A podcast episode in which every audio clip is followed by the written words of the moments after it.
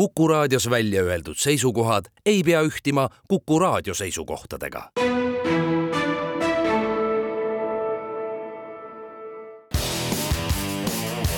spordireporter. spordis kruvib pinget, Pahv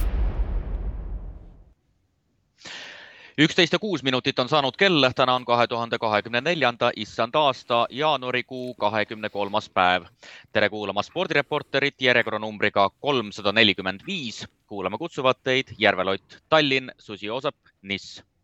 meie saatega saab ühendust e-posti aadressil spordireporter at kuku.ee või Twitteris haaksõna spordireporter abil. nii on võimalik esitada meile küsimusi, mõtteid, tähelepanekuid, millele vastamise võtame ette saate kolmandas osas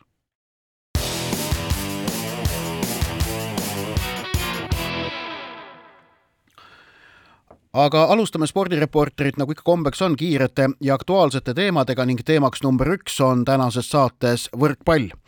kahekümne üheksandal detsembril kuulutati Eesti naiste võrkpallikoondis Alexela kontserdimajas peetud spordiaasta tähtede gala raames kahe tuhande kahekümne kolmanda aasta Eesti parimaks võistkonnaks. hääletustulemused näitasid, et hõbeliiga võit ja vapper esitus kodusel EM-finaalturniiril olid sügavale Eesti spordisõprade hinge pugenud, hääled tulid, esikoht tuli samuti. aga nüüd mõned nädalad hiljem on idüll läbi, sest naiskond peab otsima uut peatreenerit, kuna itaallane Alessandro Orefice asus juhendama Sloveenia naiskonda.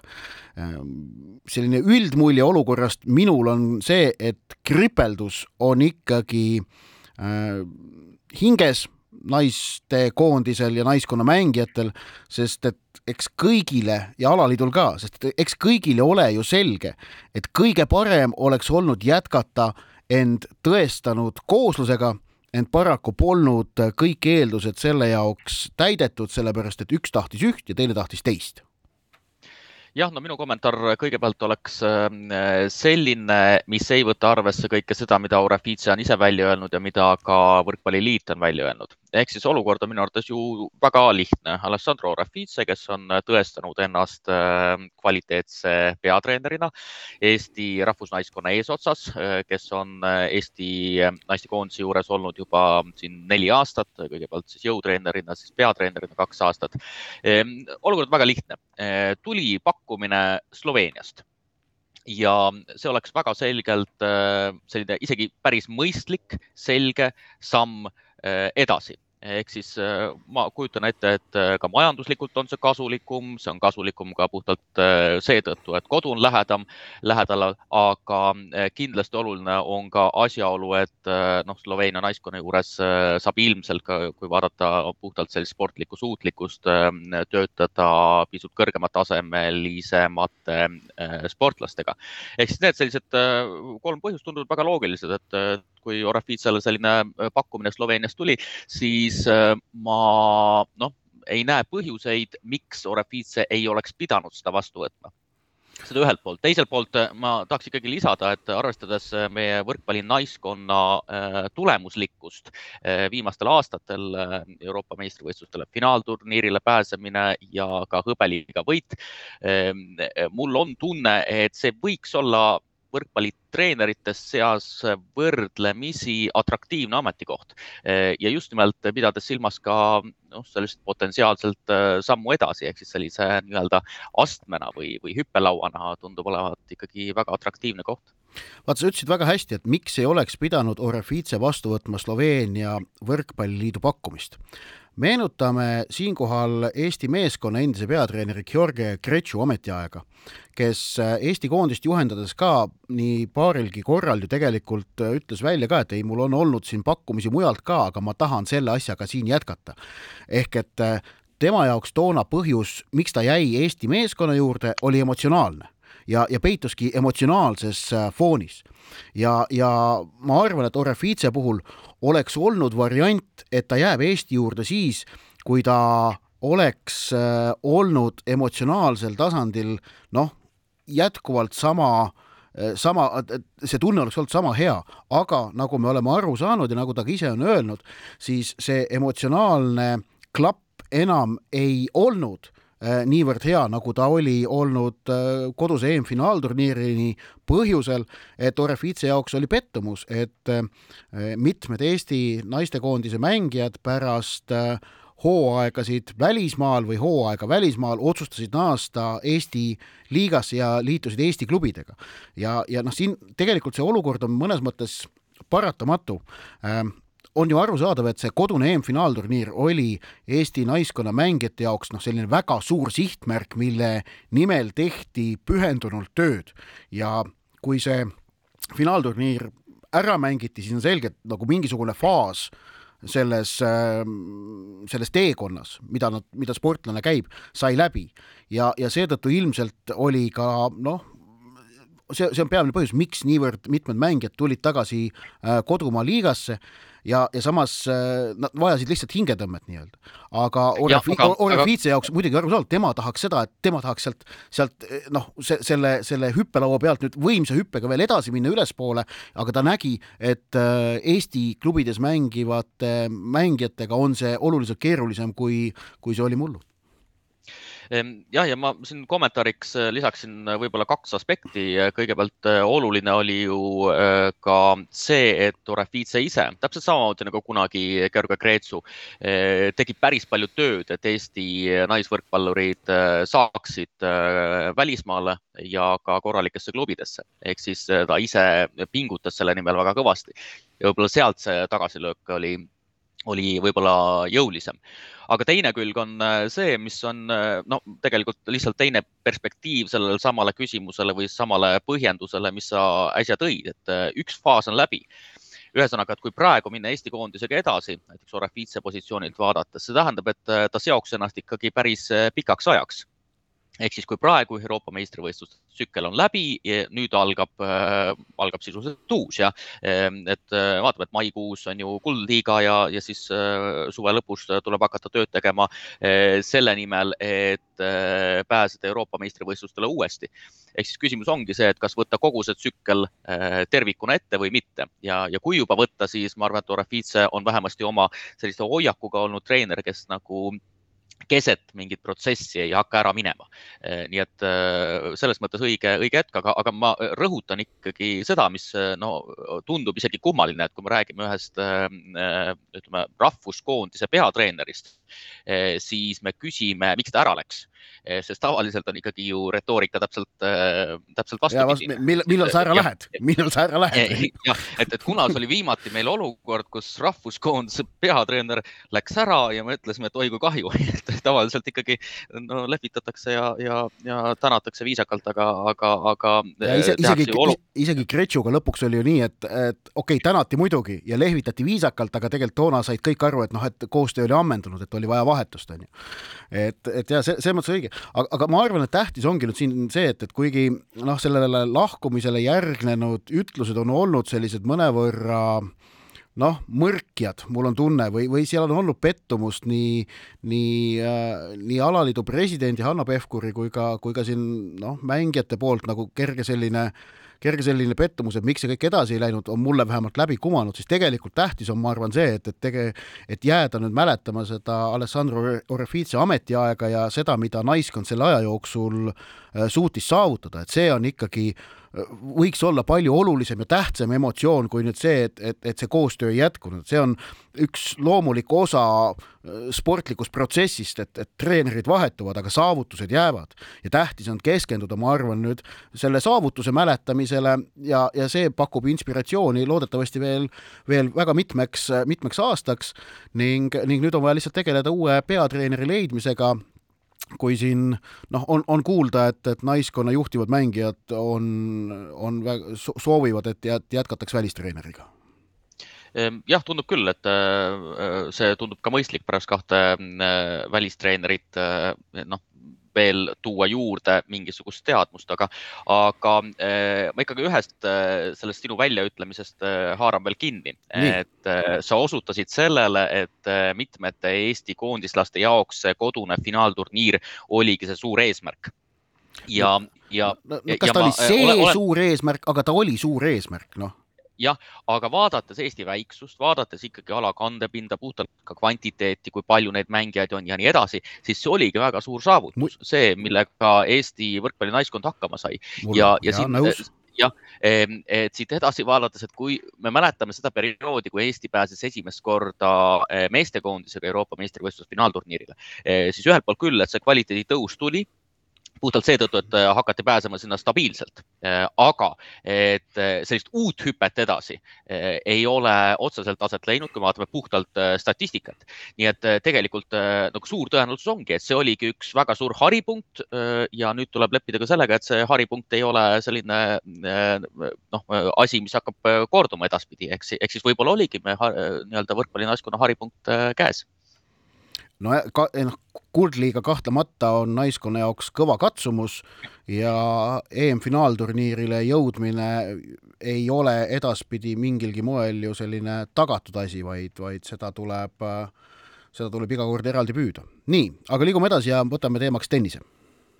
just nimelt Austraalias on käimas aasta esimene tennise Suure Slami turniir ja no alustame sama jutuga, millest me oleme siin Suure Slami turniiride ajal ikka rääkinud, et äh, nii mees kui ka naisüksikmängus on jõutud äh, veerandfinaalideni, paar veerandfinaali on ka juba mängitud, aga mees üksikmängus jõudsid kaheksa parema sekka vaid asetatud mängijad, seejuures top kuus asetust on jätkuvalt kõik mängus, Djokovic, Alcaraz, Medvedjev, Sinner, Rublev ja Zverev. Ehm, ja äh, see, mida oodatakse, loomulikult üks võib-olla põhiasi, millest räägitakse, on loomulikult Novak Djokovic, kes on kümme korda juba Austraalia lahtiselt võitnud, aga, aga kokku ähm,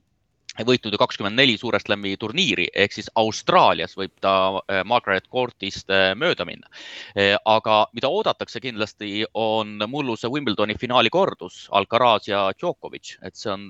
kindlasti selline, ma võiks öelda, et juba muutunud kuidagi võrdlemisi kiiresti selliseks sümboolseks vastasseisuks, mis, mis sümboliseerib teatud mõttes ka kauaoodatud põlvkondade vahetust, et üks on kolmkümmend kuus, Djokovic, teine on kakskümmend ehk siis Alcaraz sündis samal ajal, kui Djokovic äh, äh, astus ähm, esimesi suuri samme juba professionaalses tennises ja, ja kui vaatame, et esimest korda võitis Djokovic Austraalia lahtised kahe tuhande kaheksandal aastal, no Alcaraz oli neljane sellel ajal, nii et ja, ja ka mängustiilidelt niivõrd erinevad. Ähm, ja noh, teine aspekt loomulikult, et äh, kuidas Alcaraz Austraalias mängib, aga, aga noh, see on teine asi ja no ja, ja lisaks toetab seda intriigi veel ka puht selline maailma edetabeli matemaatiline pilt ehk et maailma esimene versus maailma teine on alati Suure Slami finaali jaoks väga hea, reeglina kõige parem lahendus, et, et siis nagu pannakse mõneks ajaks paika, kes nüüd ikkagi see maailma parim on, eh, kui, kui need kaks paremat seal vastamisi lähevad. aga Novak Djokovic'i puhul mul sedapuhku on Austraalias silma torganud see, et, et tuletame meelde, et ta oli kolm aastat tagasi, ta oli Austraalias paaria, kui eh, koroona äh, tingimustes peetud Suure Slami turniiril ta ju, ta ju sõitis Austraaliasse kohale vaktsineerimata, nagu ta oli, äh, paigutati seal karantiinhotelli, siis kohus menetles pikalt, äh, saadeti maalt välja, pidi, pidi lahkuma, noh, ta oli seal selline no, no ja, ja tegelikult Austraalia avalikkus oli tema peale pahane toona, no siiralt pahane, siis see, kuidas ta on nüüd selle puhtalt sportlike esitustega ja olekuga suutnud äh, selle pahameele, mis mõne, mõni aeg tagasi seal maal tema suhtes valitses, noh, siin vähemalt väljapaistvate märkide järgi äh, ära muuta või, või, või kustutada, on olnud muljetavaldav, aga aga noh, näiteks ka see, kuidas ta esimeses ringis oli vastamisi kaheksateistkümneaastase Horvaadi Dino Prismitšiga ja võitis selle mängu, keerulise mängu neljas setis, et see oli tema äh, karjääri äh, esimese ringi Suure Slami matšidest kõige pikem matš, mis tal on vist olnud, kui ma nüüd õigesti sellest statistikast aru sain. no võitis kuus-kaks, kuus-seitse, kuus-kolm, kuus-neli võitis ja seejärel see intervjuu, mille ta seal väljakul andis, kuidas ta, kuidas ta keskendus kogu intervjuu käigus vastasmängijale äh,, Prismitši kiitmisele, tänas publikut, no, noh, flirtis, saad aru, täielikult selle, selle suure tennisestaadioniga ja, ja kas see on äkki märk, et Djokovic,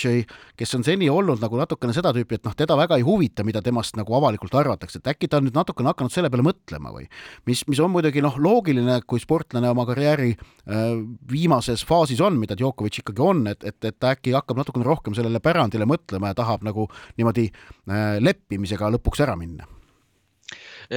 no siin jällegi äh, kaks pidepunkti minu poolt, et äh, kõigepealt äh, tahaksin osutada sellele, et Djokovic toona ei olnud üksnes Austraalia avalikkusele pinnuks silmas, vaid sattusin toona kuulama ka sellist väga huvitavat Kuku raadio saadet nagu Spordireporter ja üks ah. saatejuht oli minu arust täiesti endast väljas, kui ta rääkis Djokovicist. täiesti mõttetu mees ja täiesti ja nii edasi. aga, aga ja see Djokovici pärandi küsimus, no see on juba nii lai teema, aga Djokovic Djokovic'i pärandi häda on natukene selles, et et tal olid kaks meest ees, Federer ja Nadal, kes määratasid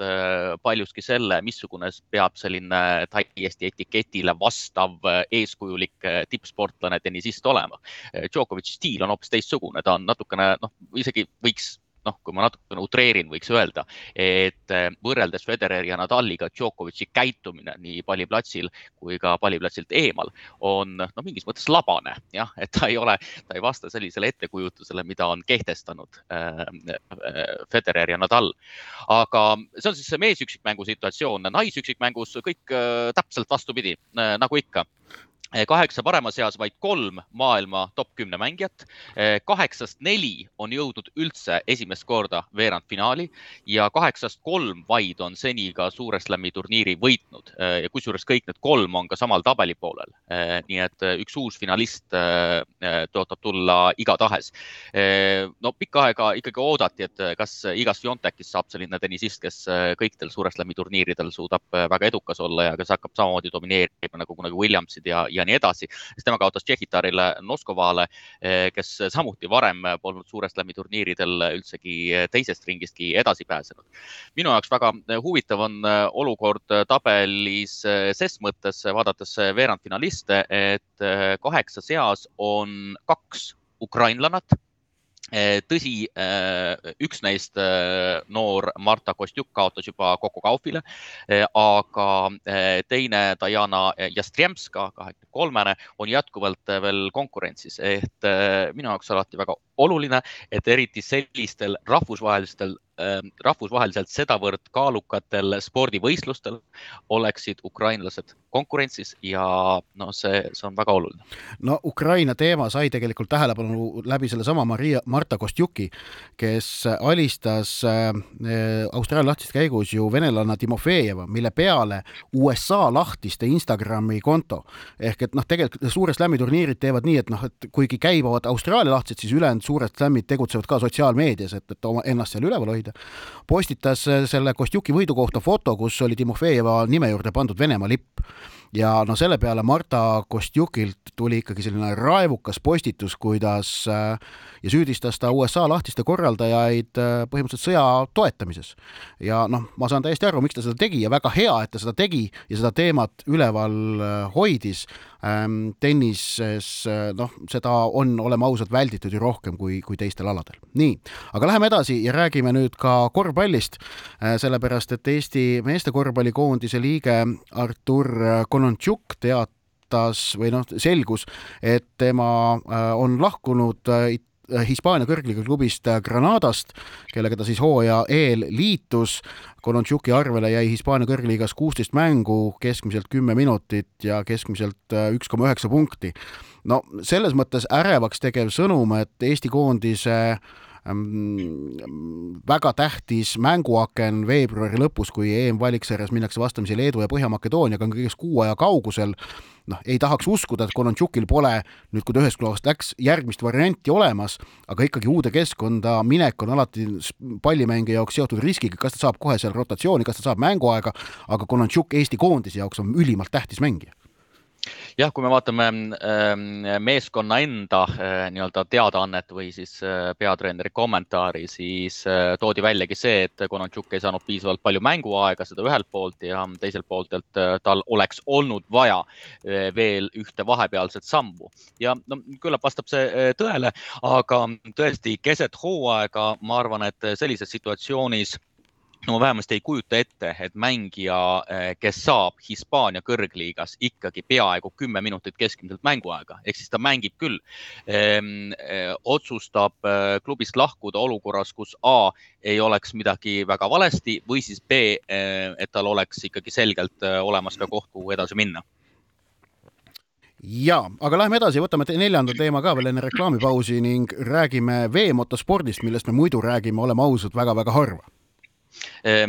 jah, ainult tegelikult aasta sportlase valimiste kontekstis kipume rääkima veemotospordist, ehm, aga Eesti veemotosportlane Stefan Arand võistleb tuleval hooajal ringrajapaatide F1 klassi maailmameistrivõistlustel ja äsja on ta kuulutatud ka Eesti aasta ringraja sportlaseks äh, ja Arand sai äh, kutse pärast edukat debüüthooaega F2 klassis, kus ta pälvis siis pronksmedali. no tõtt-öeldes ma olen küll veemotospordi võistlustel käinud, ka tiitlivõistlustel käinud, aga ma ei oska seda mitte kuidagi kontekstualiseerida. sina oled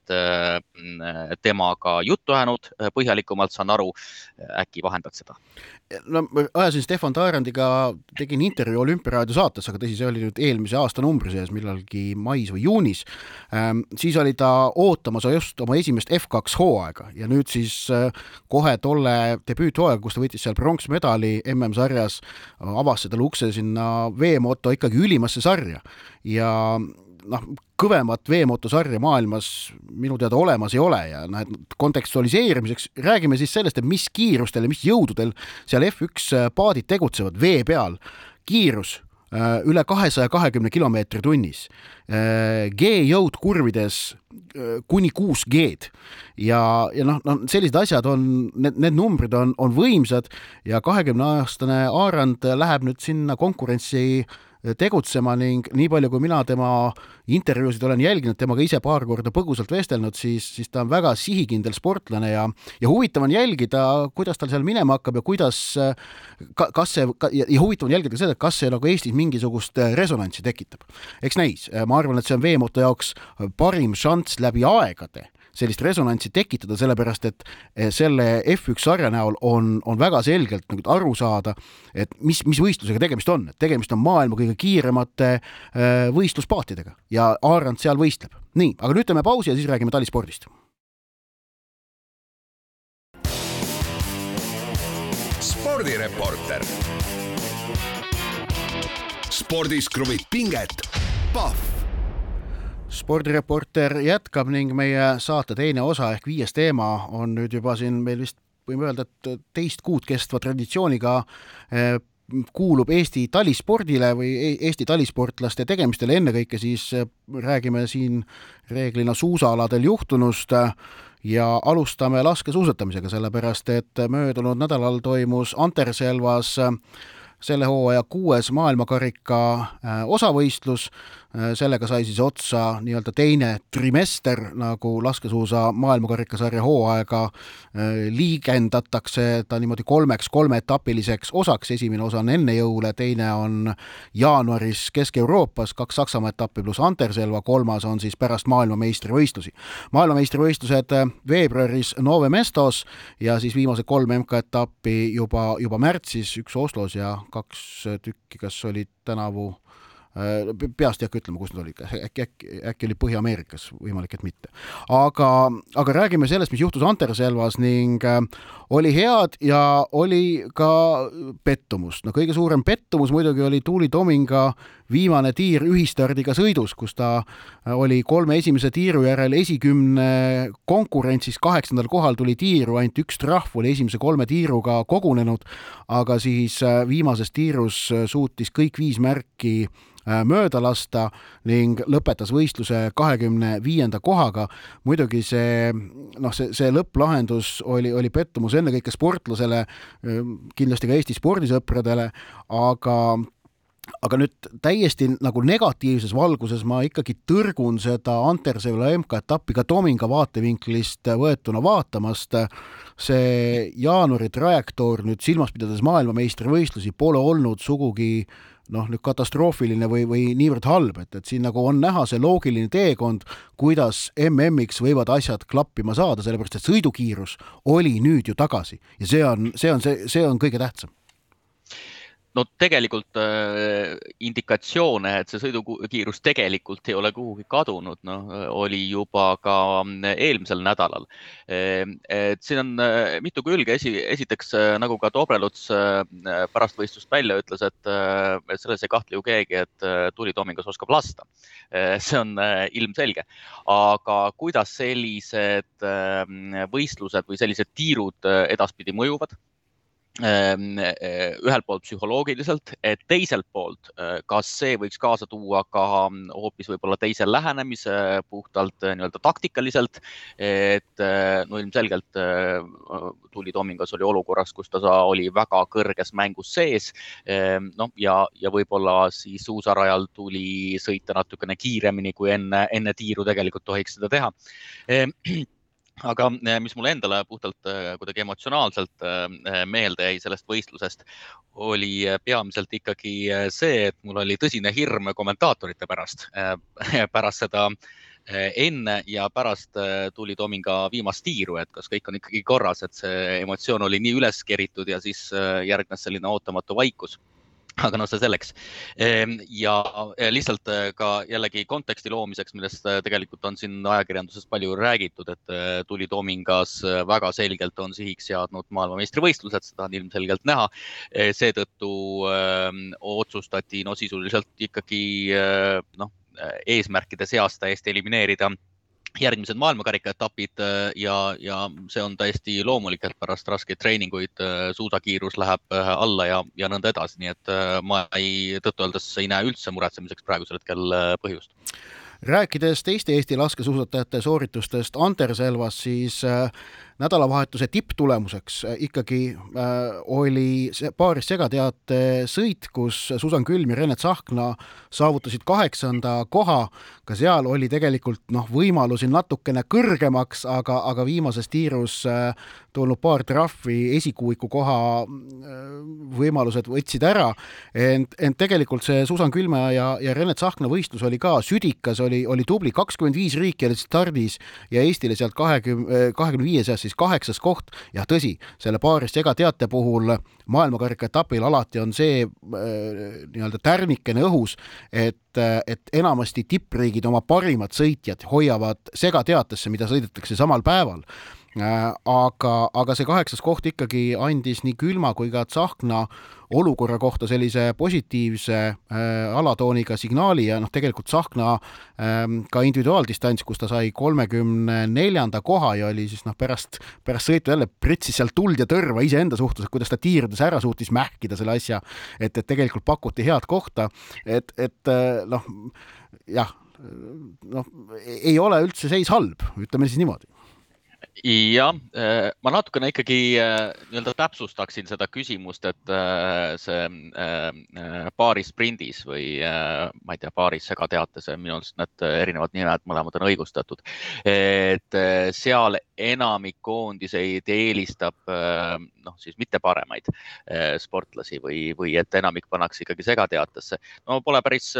nõus sellega, ma arvan, et siin paljud koondised vastupidi mängivadki selle, sellega väga palju, et kui nad näevad, et võimalik võimalus on seal, siis. ma, ma ütlesin, et tippkoondised, ma ütlesin, tippkoondised oma parimad jätavad enamasti segateatesse. no enamasti küll jah, aga seal, seal on ka no,. et, et ka... Saksamaa, Norra, Prantsusmaa oma parimad jätavad reeglina segateatesse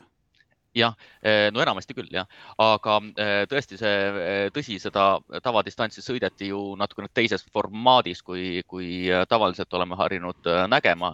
et siis tegemist oli natukene lühema distantsiga ja möödalask võttis või siis andis nii-öelda trahvisekundeid natukene vähem juurde aga eh, nojah, eh, Tsahkna oli ikkagi väga häiritud selles, selles mõttes, et see oli olukord küll, kus pakuti ja pakuti ikkagi väga korralikku kohta talle, jah mm. ja eh, Nove Mesto maailmameistrivõistluste osas siis sinnapoole vaadates on, on selge, et millalgi siin nüüd lähinädalate jooksul peab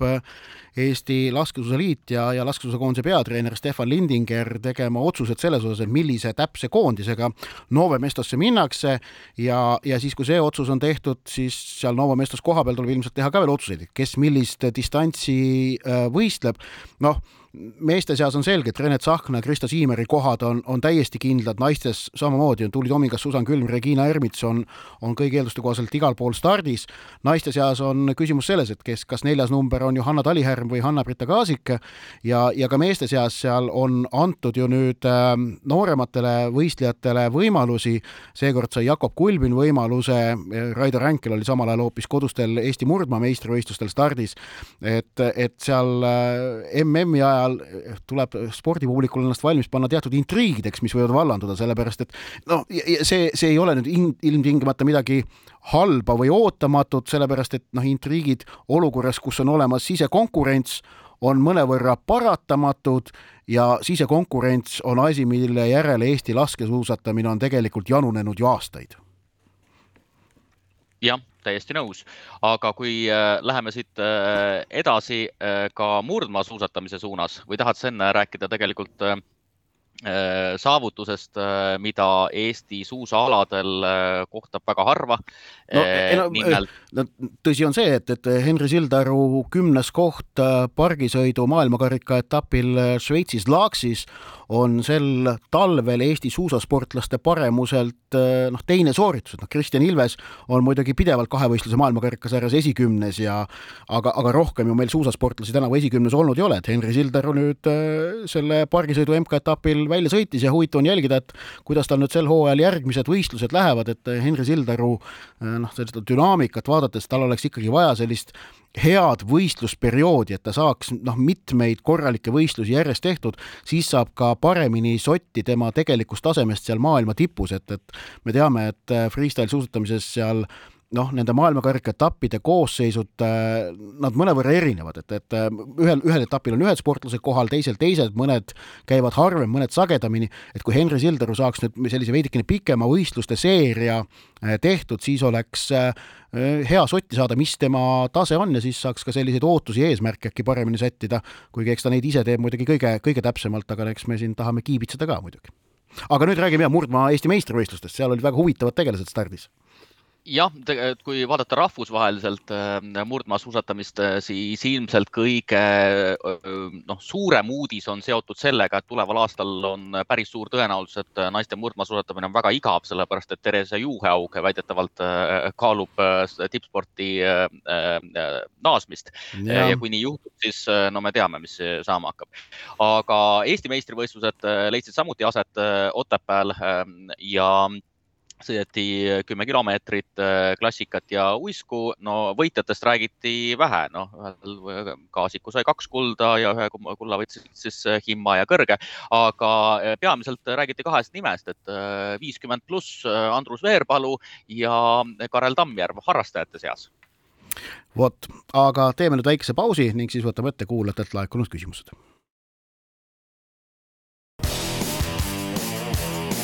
spordireporter. spordis kruvib pinget, Pahv spordireporter jätkab, Joosep Susi jätkuvalt Prantsusmaa lõunarannikul Nice'is, mina Ott Järvela Kuku raadio Tallinna stuudios ning meie saate kolmas osa kuulub nagu ikka kombeks kuulajatelt laekunud küsimustele. meil on siin hakatuseks paar jalgpalli küsimust. Marti on läkitanud arupärimise. järjekordse pohlaku putinistliku seisukoha varju on jäänud tõik, et Eesti vutifännid valisid aasta lemmikuks Konstantin Vassiljevi, kes pole endiselt adekvaatset seisukohta Venemaa osas võtnud. kas keskmine Eesti vutifänn ongi venemeelne? vastus on äh, väga lihtne. keskmine Eesti vutifänn ei ole venemeelne, keskmine Eesti vutifänn on väga eestimeelne ja, ja noh, see lemmikuks valimine, noh, see, see on asi, mis toimub siis soccernet.ee portaalis, äh, on, on seda siin juba paarkümmend aastat seda tehtud. no tegelikult on val-, tegemist mitte siis lemmiku, vaid äh, ikkagi äh, selle portaali lugejate meelest hooaja parima mängija valimisega. seda küll nimetatakse lemmikuks, aga sisuliselt valitakse seal hooaja parimat mängijat. tõsi, noh kohati on see valik natukene emotsionaalsem siia-sinna kui, kui selline äh, kalk parima valimine, aga sedapuhku oli see selgelt ikkagi, oli, oli tunda, et seal valiti parimat mängijat. ja no selles, et Konstantin Vassiljev kaks tuhat kakskümmend kolm Premium-liiga parim mängija oli,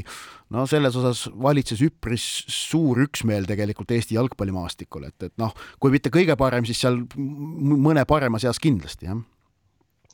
Lähemegi edasi, Jaak Tartust on esitanud äh, suisa kaks küsimust. esiteks, mida räägiti jalgpallikohtunike konverentsil ja teiseks, Viaplay pidi Eestis jalkaülekanded lõpetama, kuid ennäe imet, jalkat näeb edasi. kuidas nii? alustan sellest tagumisest küsimusest, mis puudutab Viaplay'd. seal on seis siis säärane, et äh, praegu näeb edasi, kui kaua, ei tea keegi täpselt ja üldse, mis seal saab, ega keegi väga täpselt ei tea, vähemalt mina, kes ma seal äh, kanalis neid mänge kommenteerin, ei tea, mis äh, väga kauges tulevikus edasi saab. Äh, veebruaris oma teada olen puldis, klapid peas ja, ja vahendan Euroopa ja Inglismaa tippjalgpalli ka Eesti televaatajale. nüüd teine küsimus puudutas seda, et mida räägiti jalgpallikohtunike konverentsil, mis siis nädalavahetusel tõesti toimus. noh, ei tea jällegi, sellepärast et ma ei käinud seal ausalt öelda, aga, aga huvitav oli näha eilses ETV spordiuudistes siis uudislugu sellest, kus äh, Eesti äh, parim naiskohtunik Reelika Turi tõi välja asjaolu, et kuidas kohtunikud tunnetavad praegu väljakul seda ärevust, mis on üleüldiselt ka ühiskonnas. et, et see ühiskondlik ärevus kandub edasi jalgpalliväljakule jah, äh, ma ka ei tea, ma ei, ei saanud äh, seda konverentsi mitte kuidagimoodi väisata, aga äh, ma võiks välja käia, et millest kohtunikud peaksid rääkima, see on väga huvitav tähelepanek, jah. aga peaks rääkima sellest, et kuidas kohtunike otsuseid või otsuseid, mismoodi kohtunikud platsil peaksid vilistama, tuleks arvestada johtuvalt spordialast kui tervikust ehk siis jalgpallist. praegusel hetkel kaitstakse liiga palju kohtunikke, hakatakse tõesti üha kuidagi steriilsemaks seda mängu muutma ja see on väga-väga häiriv ja selles Aga... mõttes, et ühesõnaga kohtunikele kurjasti ütlemine peab olema lubatud ja kaardid tuleb hoida kiivamalt taskus selliste asjade eest. jah, no praegu see on läinud isegi noh no, nagu täiesti absurdseks, aga olgu pealegi nii, läheme edasi, Taavi tahab teada. Äh, õigemini see ei ole nüüd küsimus, see on rohkem nagu selline tähelepanek meie eelmises saates kõlanud ühele arutlusele, mis ka johtus siis ühest kuulaja küsimusest. Taavi kirjutas meile sada protsenti nõus eelmises saates kõlanud küsimuse kaldkriips kriitikaga Eesti ilusitamise teleülekannete kommenteerimise osas. kriitikakivi spordivõistluste kommenteerimise kapsaaeda võib visata ka mõnede teiste spordialade ülekannete kohta, näiteks jalgpalli, aga ka laskesuusatamise no selles, et spordikommentaatorid äh, ei, ei, ei, ei, ei mõista asja, selles muidugi ei tasu kahelda. Ja selles mõttes, et noh, et see, see vastab tõele, ei, ei mõista no nagu paljude teistegi äh, probleemsete kohtade juures võib öelda, et juba antiikajal räägiti sellest, et Eesti spordikommentaatorid ei jaga matsu no., aga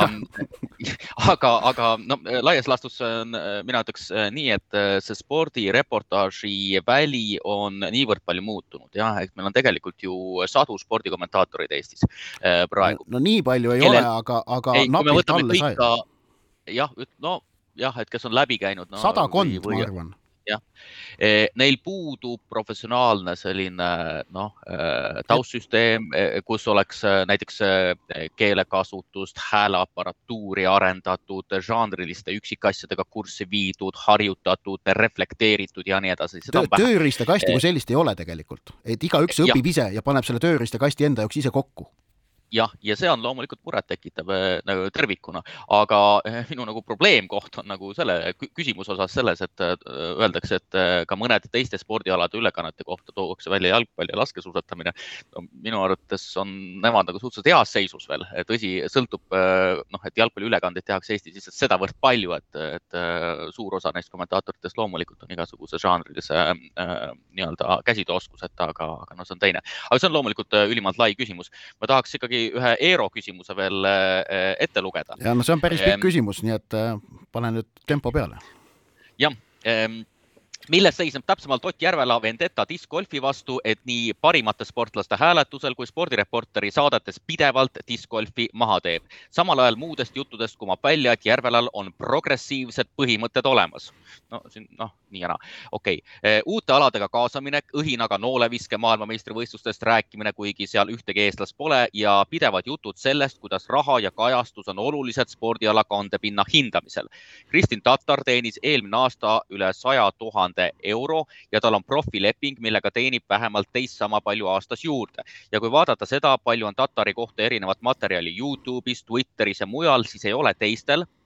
kahe tuhande kahekümne kolmanda aasta naissportlase konkurentidel ligilähedastki sama suurt teenistust ega äh, ühismeedia kajastust vastu panna. seega sooviks teada täpsemalt, millise info ja faktidega majandab Ott Järvela diskgolfi puhul, et jõuab pidevalt kummalistele marginaliseerimise järeldustele, mis ei vasta tegelikult tõele. ole hea, Ott ja no see viimane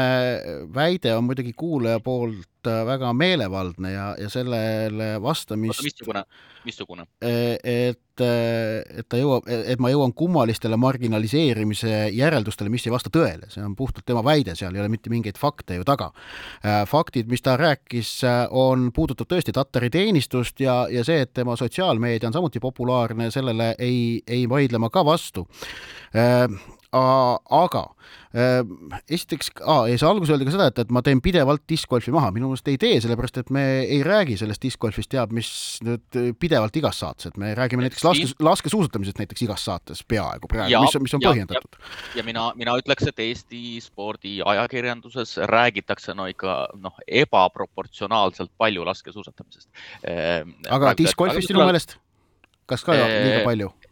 Ilmselt natukene liiga palju jah, aga, aga, aga ma olen selles no, mõttes Eero, Eero, Eeroga, selle kohta ütles. nõus, et, et see, et sa nii-öelda okei okay,, teed maha diskgolfi, sellega ma päris otseselt ei ole nõus, pigem sa ütled, et see ala pole oluline või ala ei ole nii oluline, kui seda siis äh, äh, noh, näidatakse meedias näiteks. ei, tähendab see, et meedia diskgolfist palju välja teeb, see on väga selgelt põhjendatud, seal on olemas väga suur lugejate huvi, nagu, nagu Postimehe spordimeeste juht Henri Lääne siin eelmisel aastal märkis, et Kristin Tatterist on saanud klikimagnet number kaks Eesti spordimeedias, esimesel kohal on jätkuvalt Ott Tänak, aga Kristin Tatter on nüüd tõusnud teiseks. ja, ja see on, see on kõva sõna, aga ma lihtsalt ei ole ka nõus sellega, et ma diskgolfi pisendan, aga ma lihtsalt teen oma tööd, minu töö spordiajakirjanikuna on anda edasi konteksti ja, ja seda selgitada ning minu meelest diskgolfi puhul on oluline selgitada seda, et tegemist tõesti on ikkagi maailmas veel väga noore alaga, millel me ei saa rääkida välja kujunenud ja sellisest noh, arvestatavast rahvusvahelisest konkurentsist. no võrdleme näiteks selle, okei okay,, noh, nooleviis on võib-olla natuke totter, kuidas öelda, paralleel, aga võtame snuukri. et kui näiteks Andres Petrov, Eesti parim snuukrimängija, peaks jõudma maailmameistrivõistlustel näiteks veerandfinaali, siis ma arvan, et see oleks minu silmis saavutus, mille põhjal ma hakkaksin kaaluma tema äh, viie parema sekka asetamist sellel aasta sportlase valimisel, aga tõesti äh, Kristin Tatter minu meelest ta, selles ma ju ei kahtle, see on, see on fakt, et ta on hetkel maailma parim äh, naisdiskgolfi mängija, aga see saavutus minu silmis ei ole niivõrd suur, kui olid äh, siin eelmisel aastal Niina Petrõkina või Nelli Tihverti, Eneli Jefimova, Tuuli Tominga või ka, või ka Liis Kivilu saavutused, et, et see on lihtsalt minu arvamus ja ma olen väga veendunud, et mul on õigus ei no selles, selles ma olen täiesti veendunud, et sa oled veendunud, et sul on õigus, aga, aga eh, kas ma võin ühe veel nagu lisaküsimuse esitada, et ikkagi sa oled ikkagi rääkinud sellest spordiala olulisusest, kandepind on üks asi, eh, üks asi, eh, sellest ma saan aru. professionaal, Eero... professionaalne kandepind, professionaalne ja. kandepind, mitte segi ajada harrastus kandepinnaga ja, aga siin on eh, juures ka teised aspektid, eh, mille Eero välja toob eh, ja mida sina teatud juhtudel tood ka välja. üks on see nii-öelda nähtavus, olulisus no laiemas avalikkuses ehk siis sportlase nii-öelda emotsionaalne mõju ja teisalt ka puhtalt see no profileping, teenistus, teenistusest oled sama, samuti rääkinud näiteks tennise olulisuse põhjendamiseks. nii et kas siin ei ole ikkagi mingi väike vastuolu sinu nagu erialades suhtumises? meil, meil hakkab aeg otsa saama, aga noh, tegelikult ei ole, et, et, et et Kristin Tattari sotsiaalmeediat ei peaks võl-, võrdlema teiste Eesti parimate naissportlaste omaga, vaid näiteks võtame, võtaks sinna kõrvale maailma juhtivad uh, ujujad ja, ja võrdleks, võrdleks sellega noh, minu arust, minu meelest ka seda joont ei, ei saa ära unustada ja, ja ma ikkagi ütlen, et discgolfil on, on lihtsalt vaja aega, et ta rahvusvahelisel tasemel küpseks. ma saan aru, et Eesti discgolfi kogukond on tohutult kannatamatu ja januneb tunnustuse järele, eh, mida minu meelest nad on ka saanud ja täiesti põhjendatult on saanud, aga, aga jah, minu vaated, ma olen seda siin, siin ja seal kirjeldanud. nii, aga nüüd teeme pausi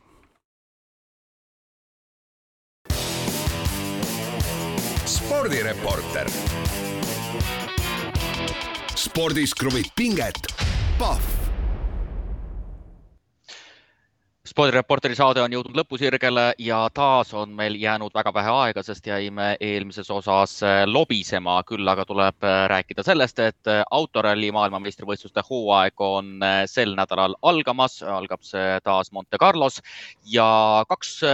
võiks öelda keskset teemat, millest on enne autoralli maailmameistrivõistluste hooaega räägitud. üks on seotud sellega, et Kalle Roandpera täit hooaega kaasa ei tee ehk siis vaid kolm meest, kolm pilooti kahest tiimist sõidavad maailmameistritiitlile. Neville, Evans ja Tänak. ja teine põhiküsimus on seotud sellega, et autoralli maailmameistrivõistluste äh, olukord on muutunud noh, igavaks, äh, tarvis on reforme ja ainus reform, äh, mida on vähemasti näha, on seotud punktisüsteemiga, millest noh, mille kohta kõik nii asjaosalised kui ka asjasse mittepuutuvad inimesed on rääkinud väga negatiivselt ja no selle punktisüsteemi osas siin on veel mingid teooriad õhku visatud, et võimalik, et see tehakse ikkagi veel ümber siin, noh, ma ei tahaks uskuda, et meil maailmameistrivõistluste esimesele etapile antakse ülehomme start ja, ja et kui siin nüüd enne veel seda punktisüsteem ümber tehtaks, siis isegi kui see punktisüsteem on, on nagu kõige kohutavam, siis selle ümbertegemisest tulenev mainekahju oleks minu meelest veel suurem kui ma nüüd. ei no reegleid, keset võistlust ei tehta reegleid ümber, no kui selleks ei ole nagu väliseid mõjuvaid põhjuseid. no ma ütleks niimoodi, ma, ma olen nõus e, ja, ja ei tohiks teha, aga kui nagu mingi valdkond on, kus, kus seda äkki võib äh, praktiseerida, siis noh, tehnikasport tegelikult on olnud, et seal on, on hooaja keskelgi varem, kui kõik osapooled on enam-vähem nõus olnud, mingeid asju ümber tehtud, on ju. jah, aga võtame sealt, võtame selle punktisüsteemi ette, et me ei hakka pikalt äh, detailidesse laskuma, aga punktisüsteemi häda on siis ühelt poolt selles, et võit pole piisavalt oluline, äh, pole enam niivõrd oluline, see on hästi keeruline, see on teine põhjus ja kolmas põhjus on seotud sellega, et äh, no, et see näiteks superralli süsteemis kohe alguses seina sõitev piloot tuleb tagasi siis superralli süsteemis ja, ja viimasele võistlusele võistluspäeval äh, on tal jälle omakorda eelis. Äh, jah, saab rahulikult äh, kulgeda, oodata, et. jah, et kui seni oli, kui seni oli kakskümmend viis pluss viis, me teadsime, et üldarvestuse kakskümmend viis ja, ja punktikatse viis on see, mis on võimalik teenida, siis nüüd on tegelikult kaheksateist pluss seitse pluss viis. kaheksateist on võimalik teenida esimese kahe päevaga, reede-laupäev noh, või mõnel rallil vist on neljapäev ka sees, aga igatahes laupäeva õhtuks. seitse antakse pühapäevase koondaja eest ja viis jällegi punktikatse eest. ehk et tegelikult just nimelt nagu sa ütlesid, et kui sa tuled, kui sa, kui sa reedel sõidad, sõidad Võssa, tuled pühapäeval starti, teenid kaksteist punkti Äh, kui oled pühapäeva parim ja võidad punktikatse ning äh, aga, aga näiteks ralli võitja, kes oli laupäeva õhtul liider ja hoiab ja kaitseb seda liidri kohta noh, ka pühapäeval või, või pühapäeval võib saada sinust ainult äh, kuus punkti rohkem ja see on nagu noh, see, see on seal, seal on loogikavead sees, on ju ei no, noh, potentsiaalselt neid loogika äh, vigu või anomaaliaid on punktisüsteemi sisse kirjutatud omajagu, kasvõi see, et kõige rohkem punkte võib äh, saada piloot, kes on nagu paremuselt äh, kuues kokkuvõttes või umbes, umbes midagi sellist. et, et jah, see punktisüsteem on, on, on segane ja, ja tegelikult ikkagi täpse pildi ma arvan, et me saame esimeste rallidega, et kuidas ikkagi toimima hakkab ja, ja, ja mine tea, võib-olla hakkabki väga hästi toimima selles mõttes, et pühapäeval ongi järsku korralik võistlus, mida varasemalt, varasematel aastatel pole me ju näinud. aga teine on siis seotud ikkagi sportliku poolega ja ja sportliku poole osas äh, ongi ikkagi väga-väga keeruline on sellest äh, rääkida kui noh, sellisest laia kandepinnaga väga olulisest äh, spordialast. kui meil on kolm meest stardis, kes räägivad või, või ütleme siis taotlevad maailmameistritiitlit. et, et noh, lihtsalt ootan aega, et kas, kas tõesti me suundumegi sellesse, et WRC sari pole autoralli maailmameistrivõistluste kõige olulisem sari. mis sa arvad? No seda jah, see, seda, seda ei, ei, ei usu, niikauaks kui see WRC on, siis ta on ka kõige olulisem. tõsi, siin on ka jutud, et jah, et, et WRC sellisel kujul nende Rally1 autodega on sel hooajal nüüd viimast korda ja kahe tuhande kahekümne viiendast võetakse Rally2 autot ehk vähem võimsamad autod kasutusele. aga ühe küsimuse jõuame kiirelt veel üle vaadata äkki, et kas, kas see on Ott Tänaku viimane võimalus maailmameistriks tulla, aga see tuleneb ka ilmselt nüüd sellest, et mis WRC-st ja autoralli MM-sarjast tulevikus saab. küll aga ma arvan, on paslik öelda, öelda, et see on Ott Tänaku parim võimalus maailmameistriks tulla. Äh, sellepärast nagu öeldud, tõesti, tal on vaja tegelikult jagu saada ainult, äh, ainult kahest konkurendist, Thierry Neuvillist ja Elvin Evansist. tuletan meelde, kui ta kaks tuhat üheksateist maailmameistriks tuli, olid äh, teisteks pilootideks, kes sõitsid kaasa tehase tiimides, kõik MM-etapid olid Jari-Mati Latvala ja Chris Meek, kes olid koos Tänakuga Toyotas, Hyundai'st Thierry Neuville ning Citroeni eest sõitsid ju Sebastian Ogier ja Esa-Pekka Lappi ehk et noh, Ogier oli ka toona konkurentsis. nii, aga nüüd soovitused, meil on aeg läbi jah, no mina jätkan sama soovitust, mida ma alustasin siis eelmisel nädalal, ehk siis nagu me teame, Eesti spordi inimeste seas on väga palju pedagooge. mina soovitan jätkata üldstreiki. mina aga soovitan seada endal veebibrauser käsipallilainele. käsipalli Euroopa meistrivõistluste finaalturniiril on koha poolfinaalis taganud Taani, Rootsi ja Prantsusmaa. viimane poolfinalist selgub kolmapäeva õhtul, kõige tõenäoliselt on selleks EM-i võõrustaja Saksamaa. medalimängud peetakse reedel ja pühapäeval. matši on võimalik tasuta vaadata lehel ehftv.com. soovitan Euroopa parimat käsipalli sealt jälgida. saade on läbi, kuulmiseni.